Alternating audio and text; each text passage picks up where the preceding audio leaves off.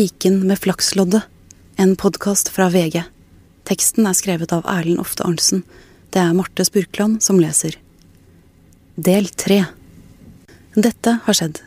Elena fra Romania, 25 år og tigger på gata i Oslo, har fortalt at hun kjøpte et flakslodd lille julaften i fjor og skrapte fram én million kroner. Men Nicolas, den rumenske mannen som skal ha vært halliken hennes, stjal loddet, sier hun. Politiet har henlagt saken, men journalist Erlend Ofte Arntzen klarer ikke legge mysteriet fra seg. For hva om denne julefortellingen er virkelig? Det er en stille formiddag på Narvesen ved Brynseng T-banestasjon, fem stopp fra Oslo sentralstasjon. De fleste butikkene i området er stengt, så det er få kunder som kommer innom på denne siste dagen før julaften i 2013. Mannen som er daglig leder ved kiosken, er på bakrommet og rydder litt så kommer det noen bort til disken. 20. november i år tok jeg T-banen til Brynseng. Den daglige lederen ved Narvesen-kiosken kom ut av bakrommet slik han også hadde gjort lille julaften i fjor. Han vil ikke at vi skal opplyse navnet hans. Vet du om et lodd med milliongevinst som skal ha vært solgt her? spurte jeg. Han kan fortelle selv. Det var en kvinne med utenlandsk bakgrunn. Eh, veldig ja, lav jente. Og eh, snakka ikke så mye norsk i det hele tatt. Først når jeg fikk vite at hun vant en million, og det kom litt ut av henne. Eh, begynte å hyle og var veldig glad. Hun hadde småpenger. Eh, tror det var nesten bare eikroninger eh, som betalte med. Kanskje en femmer muligens. Eh, men hun måtte telle og bla det litt og litt for å gå til de 25 kronene som loddet var. Hun spurte hva hun skulle gjøre for noe. Jeg sa at det var så mye penger at dette måtte hun ta med Norsk Tipping. Det var andre i butikken på samme tid, men jeg husker ikke om hun kom med dem eller ikke. Jeg gikk inn på bakrommet for å sjekke rutinene på hva vi skal gjøre når noe sånt som dette skjer. Da jeg kom ut igjen, kan jeg ikke huske at hun var der. En halv mil unna Brynseng ligger en annen Narvesen-kiosk, i Toroa Meyers gate på Grünerløkka i Oslo. Ali Mahmoud er 28 år og driver kiosken. Lille julaften i fjor har Ali akkurat gått fra jobb når telefonen ringer. Det er en av hans ansatte som er usikker på hva hun skal gjøre. Det står to menn der, en rumener og en som ser norsk ut. Rumeneren har et flakslodd med milliongevinst. De vil ha pengene inn på nordmannens konto. Tuller du med meg? spør Ali. Mens han går oppover igjen til kiosken sin, ber han henne om å dobbeltsjekke at pengene virkelig skal inn på nordmannens konto, da det virker som det er rumenerens lodd. Når Ali kommer frem, har de to mennene gått. 27. november i år var en av disse dagene da temperaturen akkurat hadde begynt å falle under null, og kulden bredde seg rundt deg, fra fingertuppene og utover. Elena går med tunge skritt opp trappen fra perrongen på Brynseng T-banestasjon og opp mot Narvesen-kiosken. Hun kjenner seg igjen. Dette er kiosken der hun for snart ett år siden kjøpte flaksloddet, sier hun. Brynseng, overgang.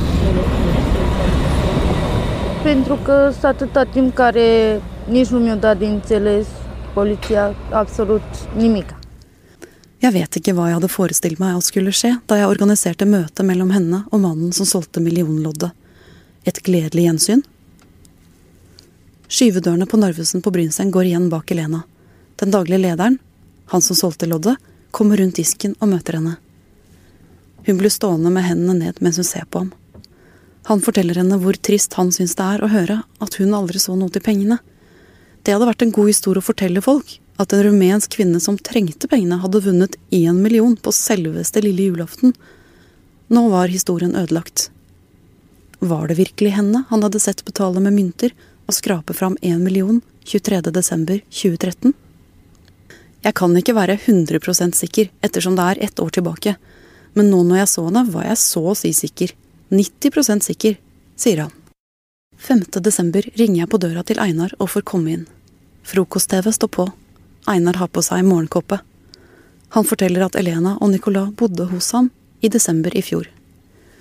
Nicolas kom og spurte meg om jeg ville hjelpe ham, for han hadde et lodd hvor han hadde vunnet én million, sier han. Einar hadde fått beskjed av Nicolas om at han skulle få 100 000 kroner om han løste ut loddet og overførte pengene til Romania. Da han var dratt fra landet, fikk jeg vite at det var Elena som hadde kjøpt det loddet. Hun sa at han hadde tatt det med makt, da han så at hun hadde vunnet førstepremien, forteller han. Ifølge Einar var Elena molefonken og sa ikke et eneste ord i disse dagene etter at loddet var hevet. Jeg så jo den makten han hadde over henne, sier han. Hva mener du med makt, spør jeg. Hun turte jo ikke å si et ord, på en måte. Hvis hun sa et eller annet angående loddet, dro han henne i håret midt på gulvet her, sier Einar, og peker ut mot stua si. Og, og når var det du fikk vite at det da kanskje ikke var hans lodd likevel? Nei, det var kanskje det Jelena som sa at det var hans lodd. Ja.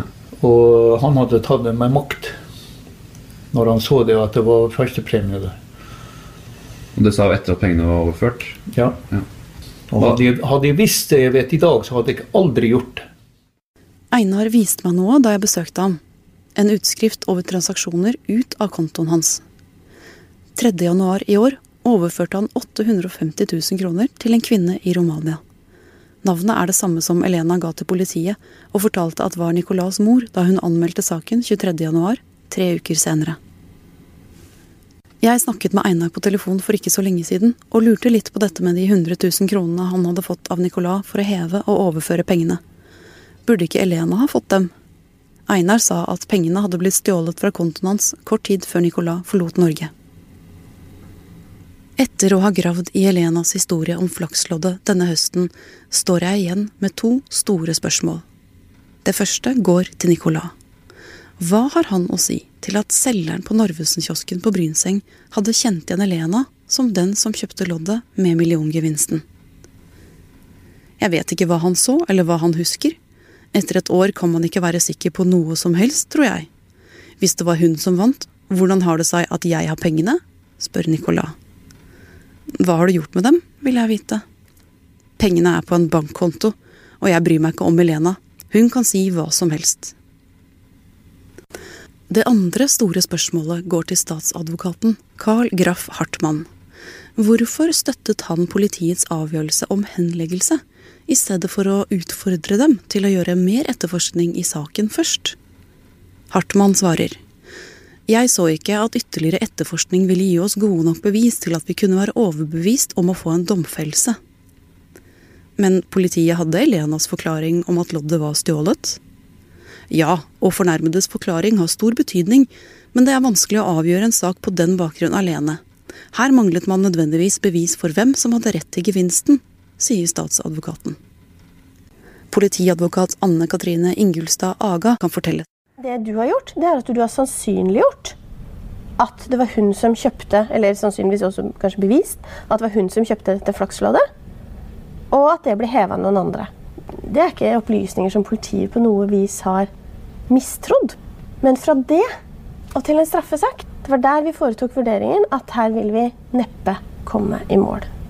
Med de opplysningene du har, bl.a. av et vitne som kanskje kan si noe om selve tyverihandlingen, så vil det kanskje stille seg litt annerledes nå.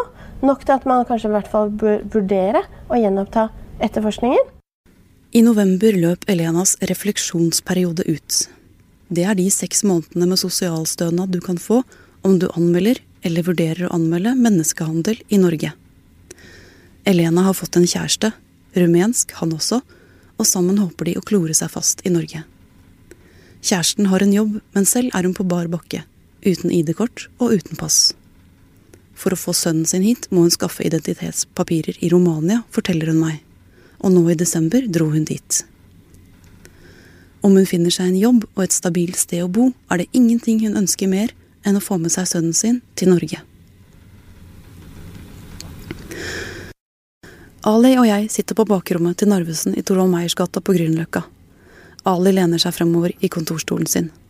Folk går inn og ut av kiosken på overvåkningsbildene som flimrer over en skjerm.